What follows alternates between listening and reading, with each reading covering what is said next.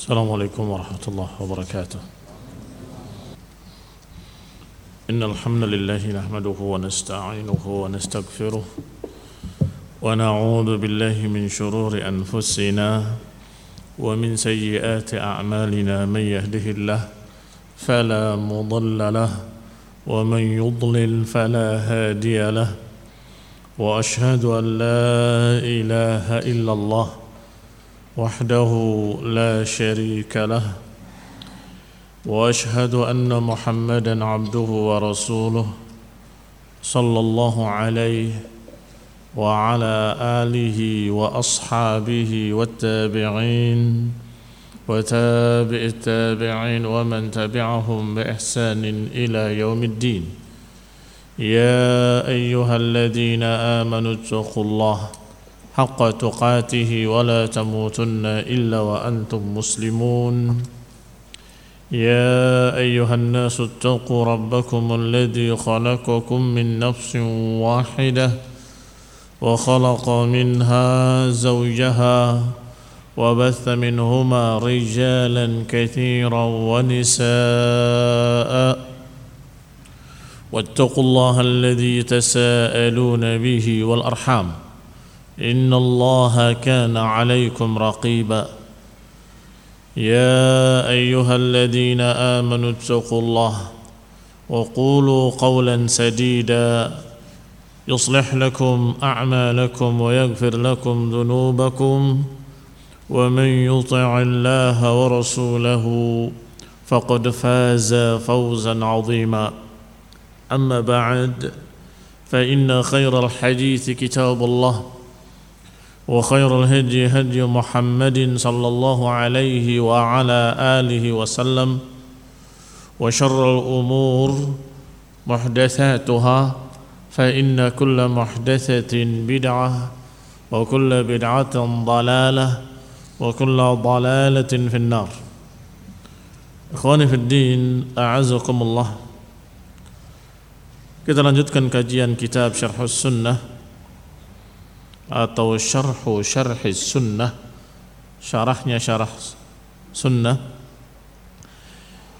yang merupakan kitab dari Abi Muhammad Al-Hasan ibn Ali ibn Khalaf Al-Barbahari Al-Hasan ibn Ali ibn Khalaf Al-Barbahari rahimahullah dengan syarahnya dari Syekh Shalal Fauzan hafizahullah sampai pada ucapan musannif ucapan muallif wal imanu bihawdi Rasulillah sallallahu alaihi wa ala alihi wasallam wa likulli nabiyyin hawdun illa salihan fa inna hawdahu dar'u naqatihi kata Imam Abu Muhammad Al-Hasan ibn Ali Al-Barbahari rahimahullah dan beriman kepada telaga yang Allah berikan pada Rasulullah SAW dan juga telaga-telaga para anbiya kecuali Nabi Saleh karena telaganya adalah dar'unaqatihi susunya onta beliau.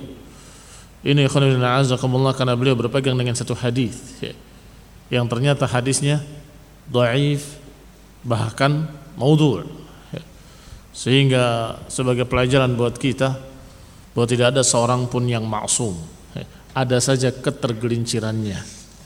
Imam Imam Al-Barbahari menyatakan bahwasanya semua nabi punya telaga kecuali Nabi Saleh. Karena telaganya adalah dar'u naqatihi. Ketika Allah berikan untuk Nabi Saleh unta yang susunya tak pernah habis dan seterusnya. Kemudian ada riwayat yang dhaif yang kata Syekh Shalal Fauzan hafizahullah bahwa riwayat itu maudhu' akhrajahu al-Uqaili fi dhu'afa sehingga barakallahu fikum tidak jadi hujjah riwayat yang seperti itu sehingga tetap sebagaimana asalnya bahwa setiap nabi memiliki telaga kita lihat syarahnya dari Syekh Shalal Fauzan hafizahullah Kadzalika min usuli ahli sunnah wal jamaah Al-imanu bil haud. Demikianlah termasuk di antara akidah dan prinsip-prinsip ahli sunnah adalah beriman adanya telaga yang Allah persiapkan untuk Rasulullah SAW dan untuk para rasul. Wa kullu nabiyyin minal anbiya illahu haudun tariduhu ummatuhu. Dan setiap anbiya, setiap nabi dari para nabi semuanya memiliki telaga haud yang akan dimasuki nanti oleh nabi tersebut dan oleh para pengikutnya dari umatnya. Lianna an-nasa yusibuhum 'atashun syadidun karena saat itu manusia di mahsyar dalam keadaan tertimpa rasa haus yang sangat dahsyat. Fayahtajuna ilal ma maka mereka sangat membutuhkan air. Wa haudu nabiyina huwa a'dhamul hiyad sedangkan telaga nabi kita Nabi Muhammad sallallahu alaihi wa ala alihi wasallam adalah yang paling luasnya yang paling besarnya. Tuluhu syahrun wa arduhu syahrun panjangnya sejauh perjalanan satu bulan. Lebarnya juga sejauh perjalanan satu bulan. Ma'uhu ashaddu bayadan minal laban. Airnya lebih putih daripada susu. Wa ahla minal asal. Dan lebih manis daripada asal. Wa aniyatuhu ada nujumis sama sedangkan bejana-bejananya sejumlah bintang-bintang di langit. Man yashrabu minhu syarbatan lam yadhma ba'daha abada. Siapa yang meminumnya satu teguk saja, maka dia enggak akan merasakan haus selama-lamanya. Wa yudhadu anhu murtaddun dan akan dihalau akan dihalangi dari telaga ini orang-orang yang murtad orang-orang yang berpaling dari agama alladzina irtaddu ba'da rasul sallallahu alaihi wa ala alihi wasallam. Yaitu orang-orang yang murtad setelah wafatnya Rasulullah sallallahu alaihi wa ala alihi wasallam. Wa yudadu anhu man kadzdzaba bihi. Dan juga akan diusir akan dihalangi dihalangi untuk masuk telaga haud orang-orang yang mendustakan Rasulullah sallallahu alaihi wa ala alihi wasallam. Wallahu alam. Min ahli bid'ah yaitu orang-orang yang mendustakan Rasulullah SAW dari kalangan ahlul bid'ah. Karena disebutkan dalam riwayatnya Rasulullah SAW mengenali mereka. Kalau mengenali mereka berarti mereka memiliki tanda-tanda keislaman. Dan dikatakan dalam riwayat-riwayat tanda-tanda keislaman itu adalah ghurran muhajjalin. Ghurrah wa tahjil. Ghurrah itu putih di wajahnya dan tahjil adalah putih di kaki dan tangannya. Dan itu min atharil wudu. Maka Nabi SAW melihat mereka-mereka yang memiliki tanda-tanda tersebut. Al-ghurra wa tahjil melihat putih di wajah mereka dan melihat putih di tangan-tangan mereka maka innahum ummati maka mereka umatku. Maka Nabi mengatakan innahum ummati mereka umatku. Maka kata malaikat dari Allah Subhanahu wa taala innaka la tadri ma ahdatsu ba'dak engkau tidak tahu apa yang mereka ada-adakan sepeninggalmu ahdatha muhdatsat. Berarti mereka adalah ahlul bid'ah. Dalam riwayat, innaka la tadri ma baddalu ba'dak. Engkau tidak tahu apa yang mereka rubah-rubah setelahmu. Maka para ulama menyatakan bahwa yang dimaksud tadi adalah haula ahlul bid'ah wad dalalah. Yang mereka masih salat masih punya tanda-tanda kalau mereka muslim. Tetapi karena mereka ahlul dalal membuat muhdatsat membuat bid'ah-bid'ah menambah-nambah dalam agama, merubah-rubah agama, badalu ad-din, mereka merubah agama, maka yudadauna mereka dihalau dari telaga haud. Sedangkan riwayat yang lain disebutkan engkau tidak tahu bahwa mereka berpaling murtad sepeninggalmu. Tentunya yang dimaksud adalah para murtadin. Ketika Rasulullah SAW wafat, beberapa suku-suku dari Banu Hanifah dan lain-lainnya mereka murtad keluar dari Islam. Demikian pula sebagian mereka mani'iz zakah, menolak zakat yang diperangi oleh Abu Bakar Siddiq radhiyallahu taala anhu dengan para sahabat radhiyallahu taala anhum. Maka mereka pun termasuk yang yudadauna yang mereka dihalau dihalangi dari telaga haud. Maka siapa yang dihalangi dari telaga haud? Orang-orang yang murtad dan orang-orang yang menyimpang orang-orang yang menambahkan dalam agama dan orang-orang yang mengganti-ganti agama atau ahdatsu ba'da Rasulillah, mengadakan muhdatsat. Qauluhu ada ucapan beliau wali kulli nabiyyin haudun illa salihan ila akhirih. Semua nabi memiliki telaga haud kecuali Nabi Saleh. Hadzal istithna lam yathbut fi ma a'lam. Kata Syekh Shalal Fauzan hafizahullah pengecualian ini tidak sabit demikian sepengetahuanku yang di sepanjang ilmu yang aku ketahui bahwa itu tidak sabit tidak sahih riwayatnya.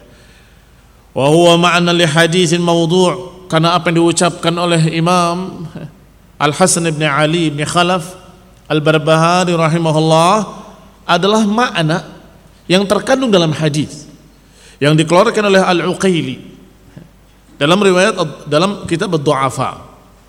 Dan juga Ibnu Jauzi memasukkannya ke dalam kitab Al-Mawdu'at hadis-hadis maudhu' Waqala dan berkata Ibnu Jauzi hadithun maudhu' la asla lahu. Hadis yang maudhu' yang tidak ada asalnya. Maka barakallahu fikum. Ini zallatuhu rahimahullah wa ghafarallahu lahu. Semoga Allah memaafkan beliau. Ini ketergelinciran seorang alim dan itu wajar dan manusiawi. Semoga Allah memaafkannya dan mengampuninya Qala al-muallif rahimahullah wal imanu bi syafaati Rasulullah sallallahu alaihi wa ala alihi wasallam. Dan juga di antara prinsip-prinsip ahlu sunnah adalah beriman dengan syafaat Rasulullah SAW lil mudnibin al khati'in yaumil qiyamah. Untuk mereka-mereka yang berdosa untuk mereka-mereka yang berbuat salah nanti pada hari kiamat mendapatkan syafaat pembelaan dari Rasulullah SAW selama mereka masih memiliki iman. Wa ala sirati dan di atas sirat di atas jalan yang dipancangkan yaumul qiyamah. Yukhrijuhum min jawf jahannam wa ma min nabiyyin illa walahu syafa'ah. Dan mengeluarkan mereka ini Rasulullah SAW dari dalam neraka jahanam. Artinya ahli sunnah juga beriman ada orang-orang yang masuk neraka kemudian diselamatkan kembali menjauhi jahanam. Khilafan liman? Khilafan lil Mu'tazilah. Dan ini pembahasan yang mengulang ya. dan tidak ada jelek yang nggak ada ruginya. Ya. Yang sudah tahu semakin hafal, ya. yang belum tahu jadi tahu. Nah, sehingga tidak ada masalah. Kemarin kita bahas masalah yang sama dari kitab Aqidatus Salaf wa Ashabul Hadis. Sekarang kita bahas dari kitab Syarhus Sunnah. Maka semakin meyakinkan semakin meyakinkan bahwa ini akidah seluruh para ulama bila khilaf. Bila khilafin illa man syadza kecuali mereka-mereka yang syad yang nyeleneh sendiri, yang aneh sendiri. Wa man syadza syudza finnar. Siapa yang nyeleneh berbeda sendiri dari mereka para salaf maka dia akan mendiri dalam neraka. Terancam dengan ancaman adab dari Allah Subhanahu wa taala. Kembali kepada ucapan musannif. Qala al muallif wa ma min nabiyyin illa walahu syafa'ah tidaklah seorang nabi pun kecuali memiliki syafa'ah Wa kadzalika as-siddiqun wasyuhada. Demikian pula para siddiqun memiliki hak memberikan syafaat. Wasyuhada orang-orang yang terbunuh syahid fisabilillah juga berhak memberikan syafaat pembelaan kepada 70 keluarganya.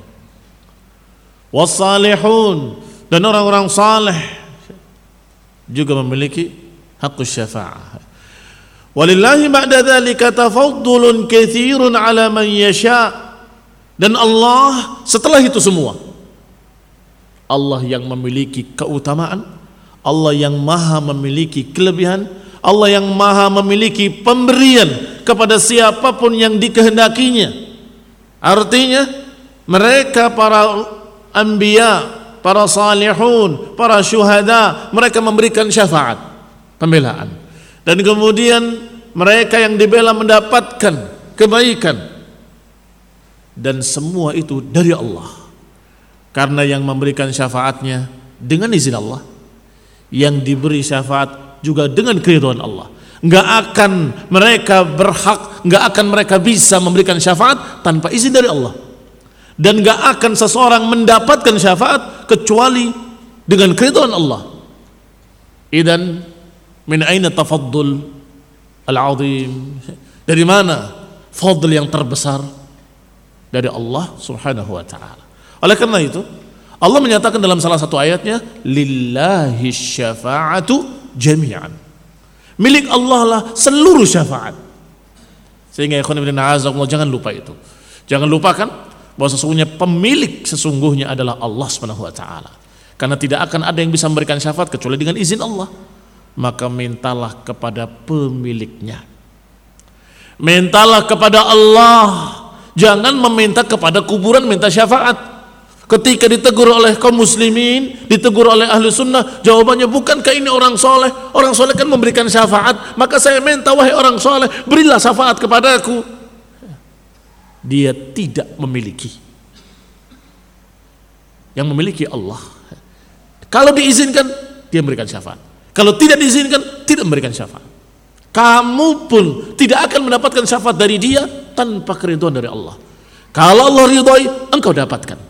Kalau tidak ridhoi, maka tidak akan bermanfaat syafaatus syafi'in. Enggak bermanfaat syafaat siapa pun. Baik. Maka dikatakan di sini, lillahi ba'da dzalika tafaddulun katsir. Bahwa milik Allah lah seluruh keutamaan wal khuruj minan nari ba'da mahtaraqu wa saru fahman dan juga beriman adanya orang-orang yang di dalam neraka kemudian keluar diselamatkan dari neraka dan masuk ke dalam jannah ba'da mahtaraqu setelah terbakar wasaru fahman sudah menjadi gosong faham sudah menjadi arang sudah gosong. Maka ketika dimasukkan dalam telaga, bersih kembali, putih kembali. Alam tubayyid wujuhana, bukankah engkau telah putihkan wajah-wajah kami? Ini khonibina azakumullah. Kita beriman dan ahlu sunnah seluruhnya beriman. Sejak para sahabat, para tabi'in, para tabi'it tabi'in dan para a'immah ahli sunnah wasadiqin. Sebutkan siapa siapa pun yang kamu mau sebutkan Sami wal haraj min ulama'i ahli sunnah semuanya berpendapat dengan pendapat yang sama dalam masalah ini berakidah dengan akidah yang sama adanya syafaat Rasulullah SAW dan mungkinnya ada seseorang yang sudah masuk neraka keluar kembali dengan syafaat disebutkan dalam syarahnya oleh Syekh Shalal Fauzan hafizahullah min usuli ahli sunnati wal jamaah الإيمان بالشفاعة والشروط التي ذكرها الله جل وعلا أن تكون بإذنه wa an yakuna al-mashfu'u fihi min ahli al-iman.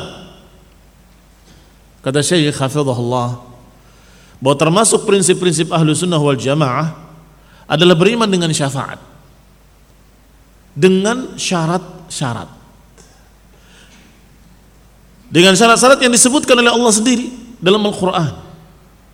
Di antaranya syarat pertama antakuna biidni syarat pertama dengan izin Allah. Tanpa izin tidak akan bisa memberikan syafaat. Yang kedua, ayyakuna al-masyfu' fihi min ahli iman. Yang kedua syarat yang diberi syafaat harus orang yang masih punya iman, yang belum membatalkan keimanannya dengan kesyirikan-kesyirikan. Yang belum membatalkan keimanannya dengan kesyirikan-kesyirikan. Amma in kana al-masyfu' fihi min ahli al-kufri adapun kalau yang diberi syafaat orang-orang yang memiliki kekafiran artinya imannya terbatalkan dengan kekafiran fa innaha la tuqbalu fihi syafa'ah maka dia tidak akan bisa mendapatkan syafaat dari siapa pun. Dari para anbiya sekalipun. Apalagi dari mereka-mereka yang di bawah para anbiya tidak dari para syuhada tidak dari orang soleh tidak dari siapa pun. Kalau dia kafir la tuqbal syafa'atuhum. Tidak akan bermanfaat syafaat mereka. Qala ta'ala Allah berfirman dalam surat al-muddathir fama tanfa'uhum syafa'atus syafi'in. Tidaklah akan bermanfaat bagi mereka syafaatnya semua yang memberi syafaat. La tanfa'uhum nggak akan bermanfaat bagi mereka. Bagi siapa? Bagi orang-orang kafir, bagi mereka-mereka yang telah membatalkan keimanannya dengan syirkul akbar. Bagi mereka yang telah membatalkan keimanannya dengan kesyirikan-kesyirikan. Atau ayat lain Allah katakan, "Wa ma lidh-dhalimin min hamimin wa.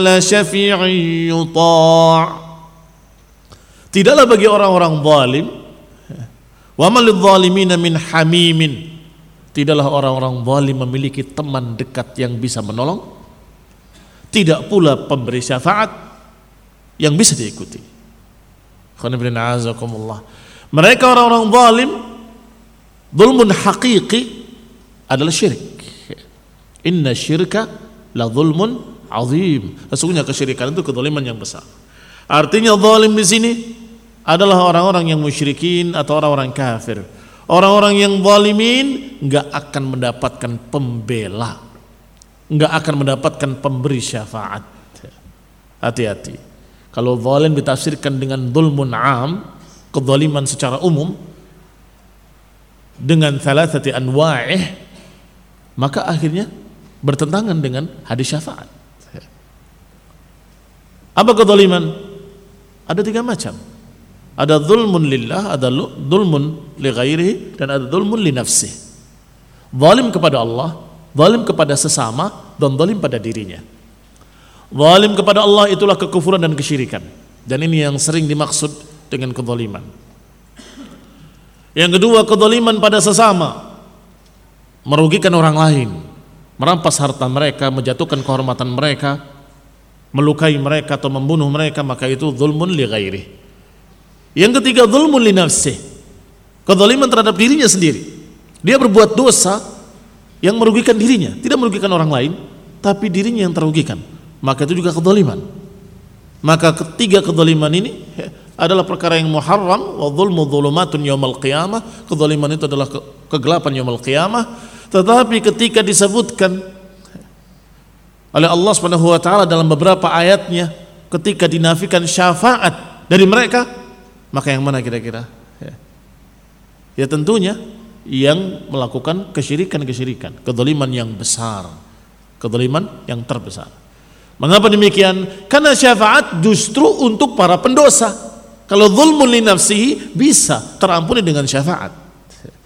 Sedangkan zulmun li ghairihi bisa dengan syafaat plus dengan keridhaan orang yang terzalimi. Ini susahnya. Artinya kezaliman kalau pada orang lain berat.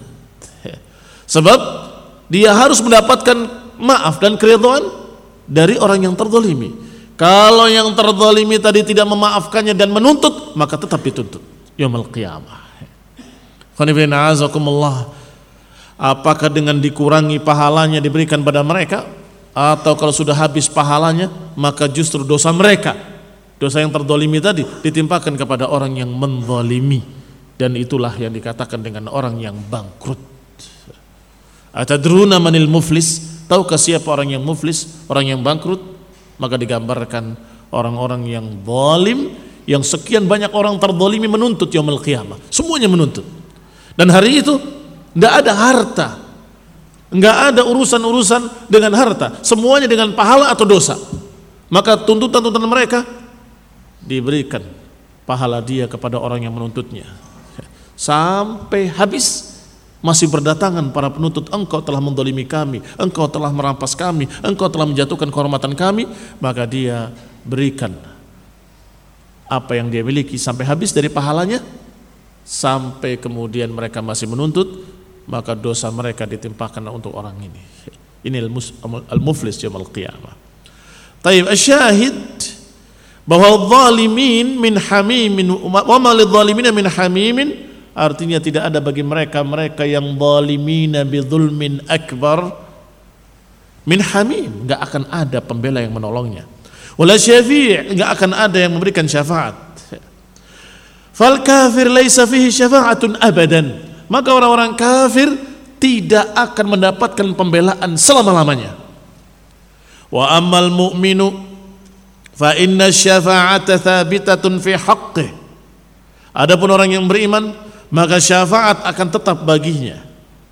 Idza adzinallahu jalla wa ala kalau Allah izinkan bagi yang memberi maka orang mukmin akan mendapatkan.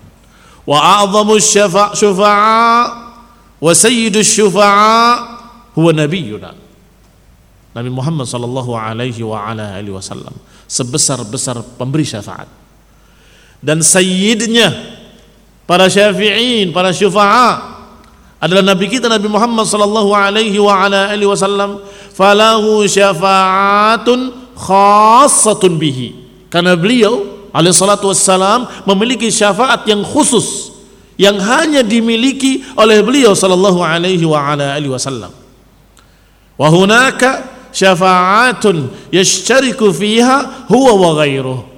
Ada pula syafaat-syafaat lain yang bersekutu artinya sama-sama memberikan syafaat nabi juga memberikan syafaat nabi-nabi yang lain juga memberikan syafaat dan orang saleh juga memberikan syafaat dan para syuhada juga memberikan syafaat. Ada yang mereka semua memberikan syafaat seperti Rasulullah SAW ada pula yang khusus Rasulullah dan tidak ada yang lain. Yang disebut dengan syafaat yang a'zam syafaat yang terbesar. Atau disebut juga dengan syafaatul uzma syafaat yang terbesar Qauluhu wal imanu bi syafaati Rasulillah SAW lil mudnibi lil mudnibin al khati'in yaumil qiyamah. Dan beriman kepada syafaat Rasulullah SAW bagi para pendosa yang bersalah pada hari kiamat nanti wa 'ala sirat. Ayat Rasul sallallahu alaihi wa ala alihi wasallam huwa a'zam man yashfa'u yaumil qiyamah. Maknanya bahwa Rasulullah SAW adalah sebesar-besar orang yang memberikan syafaat pada hari kiamat. Bal innahu yashfa' fi ahli mauqif kullihim.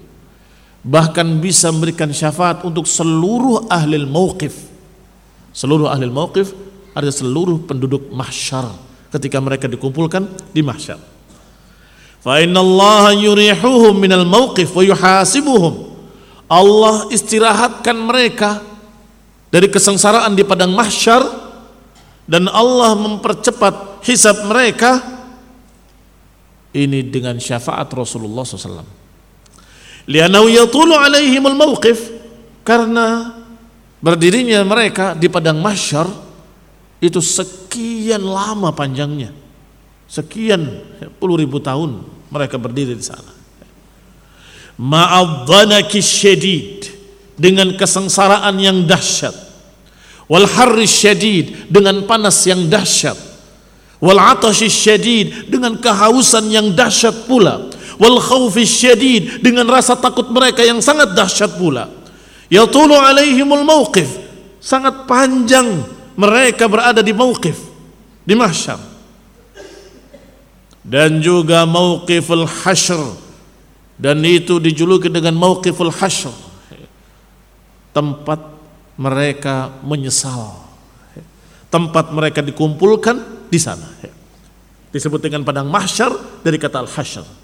Dan mereka dalam keadaan sudah sama meyakini kebenaran.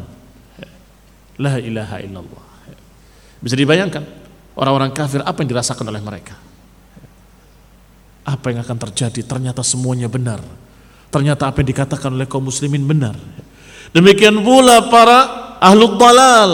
Ternyata apa yang dikatakan ahli sunnah benar. Kami yang salah, kami yang keliru. Apa yang dirasakan oleh mereka? Kesengsaraan. Belum ada keputusan adab, mereka sudah sengsara. Demikian pula para zalimin, orang-orang yang zalim. Demikian pula para fusaq, orang-orang fasik ahli maksiyah. Gelisah mereka. Aku berbuat dosa, aku berbuat dosa. Demikian pula orang-orang saleh yang tidak maksum. Pasti ada kesalahannya, ada ketergelincirannya, gelisah dengan ketergelincirannya. Bahkan para anbiya menyatakan nafsi nafsi diriku diriku aku pernah begini aku pernah begitu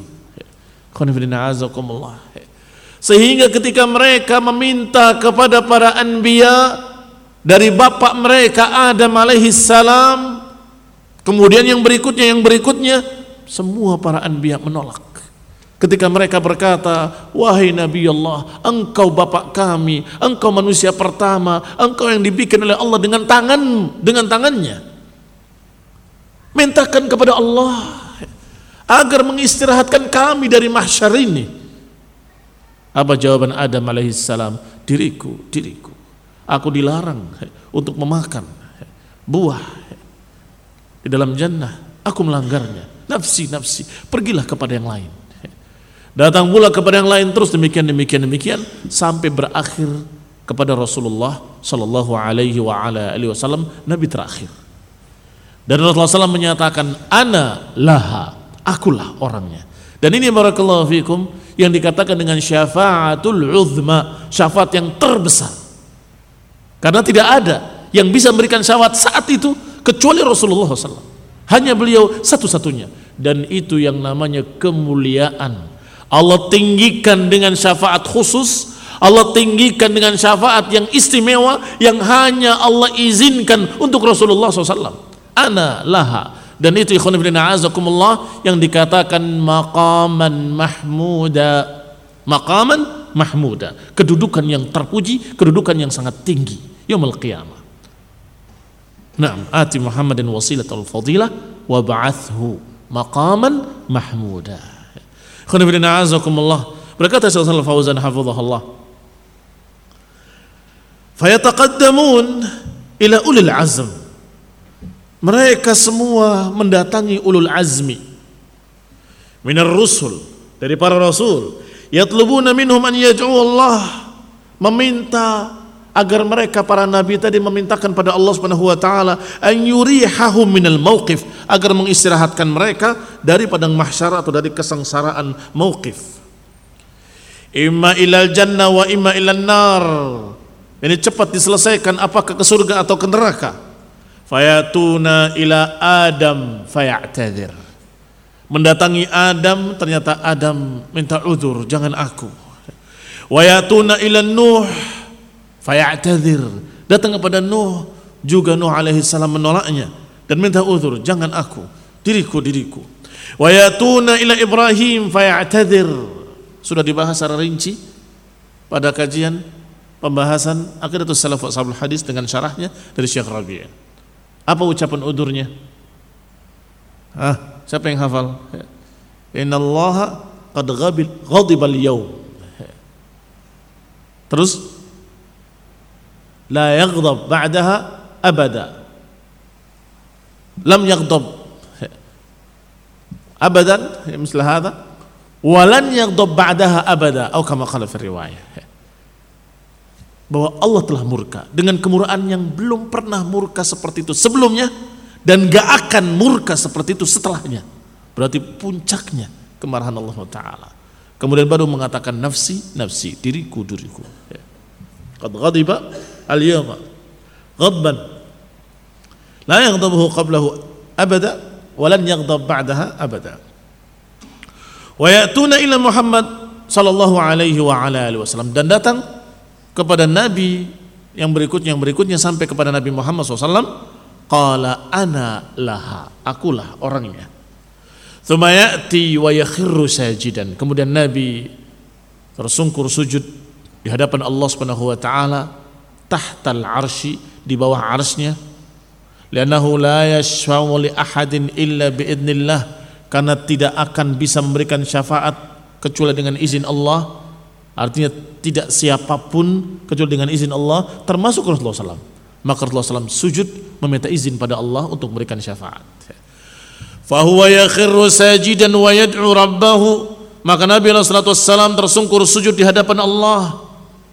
Meminta pada Rabbnya sampai Allah katakan kepadanya ya Muhammad irfa' ra'sak wasal tu'ta wasfa' tushaffa' ya Muhammad sallallahu alaihi wa ala alihi wasallam angkat kepalamu. Mintalah akan aku beri.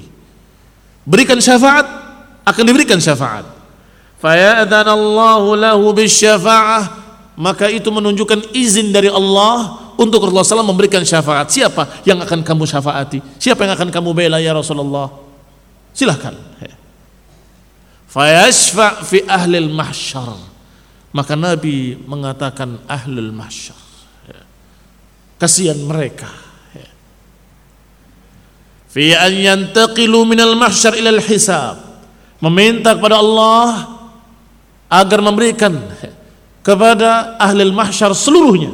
Bayangkan seluruhnya tidak khusus tapi ammah secara umum. Wa hadhihi syafa'atul uzma. Inilah yang dijuluki dengan syafaat al-uzma.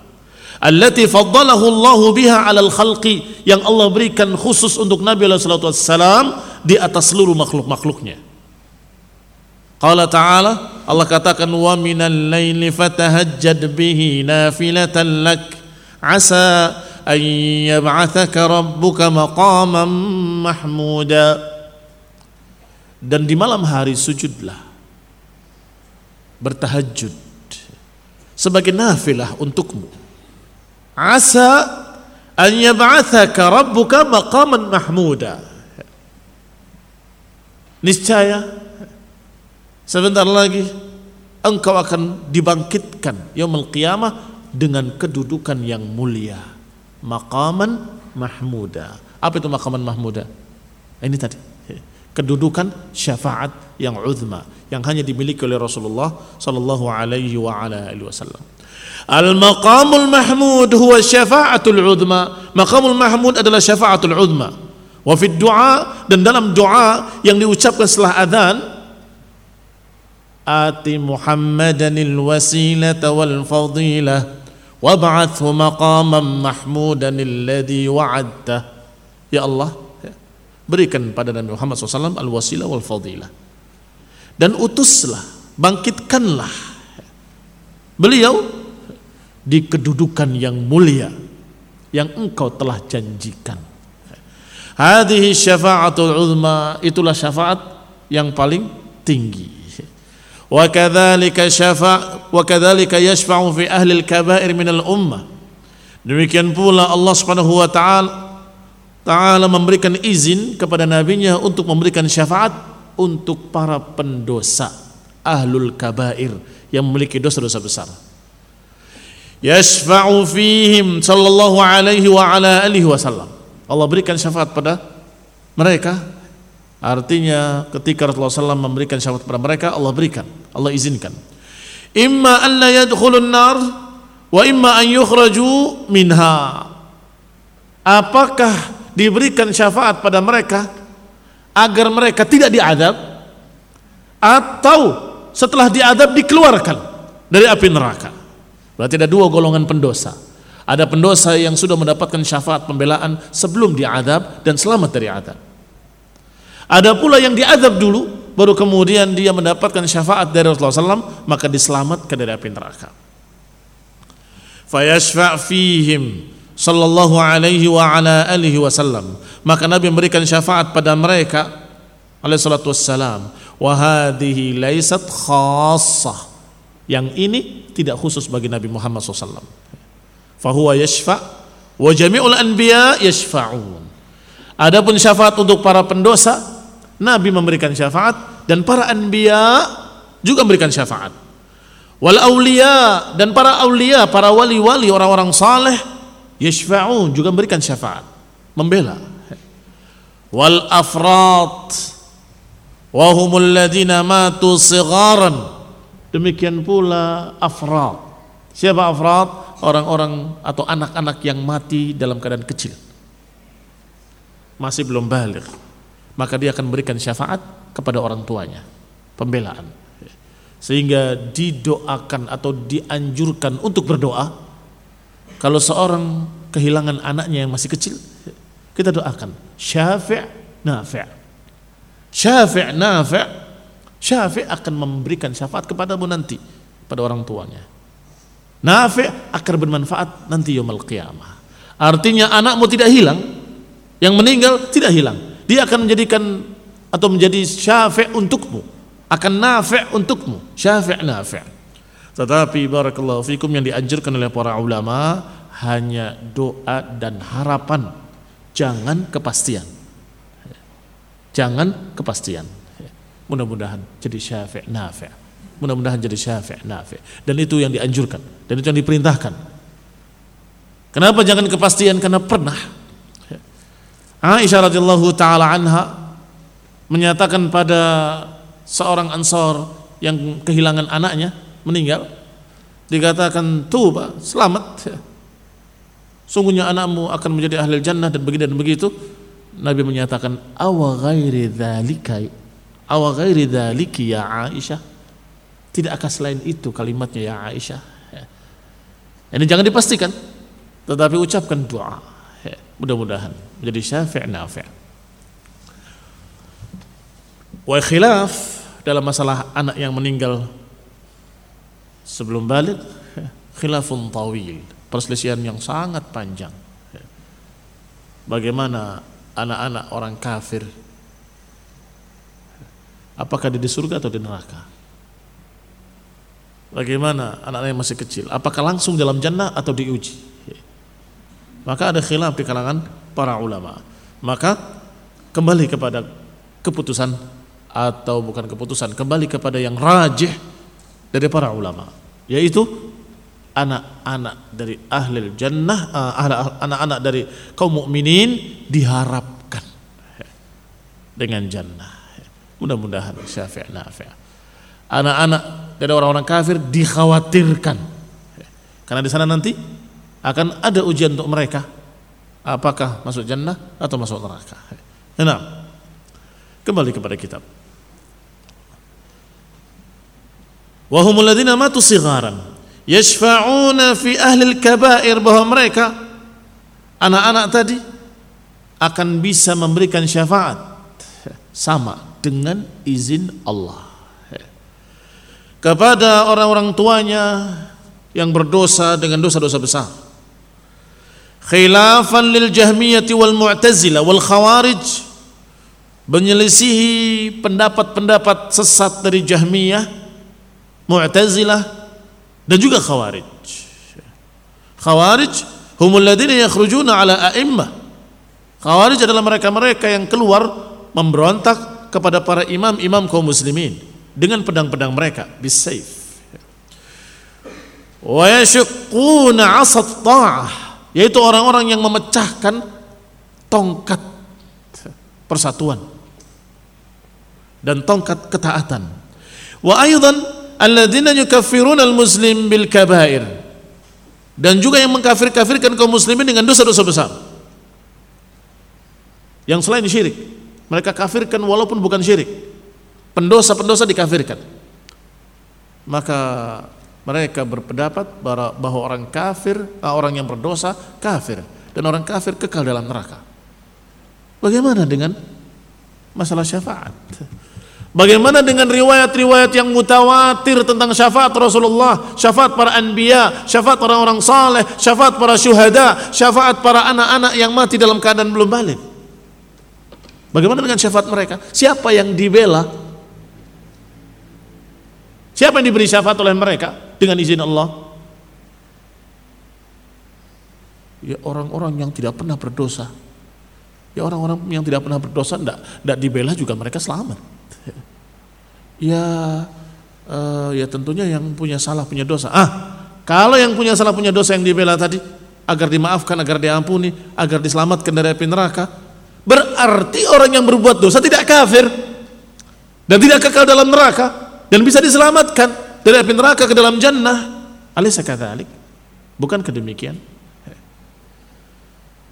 Maka Khawarij memiliki pendapat yang syad yang menyelisih pendapat ahlu sunnah demikian pula para mu'tazilah demikian pula jahmiyah dan sejenis mereka dari para aqlaniyun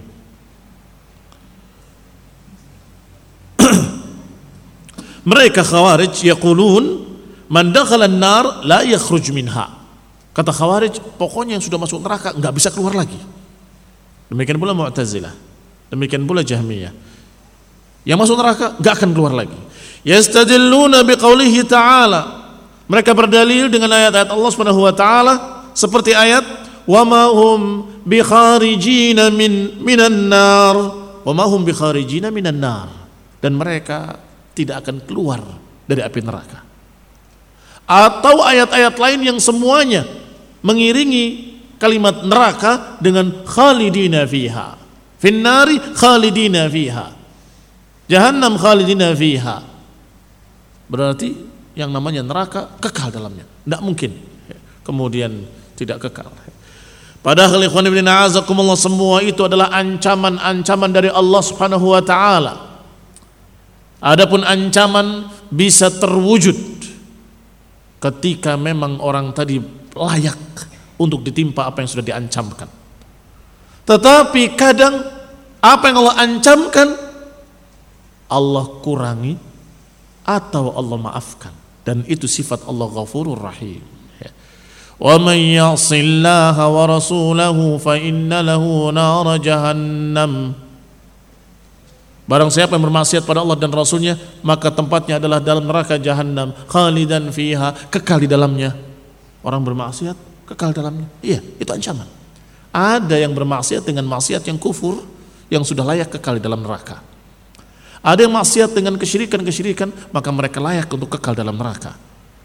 Tetapi ada yang mereka bermaksiat dengan maksiat yang ketika Allah taala memaafkan, Allah maafkan.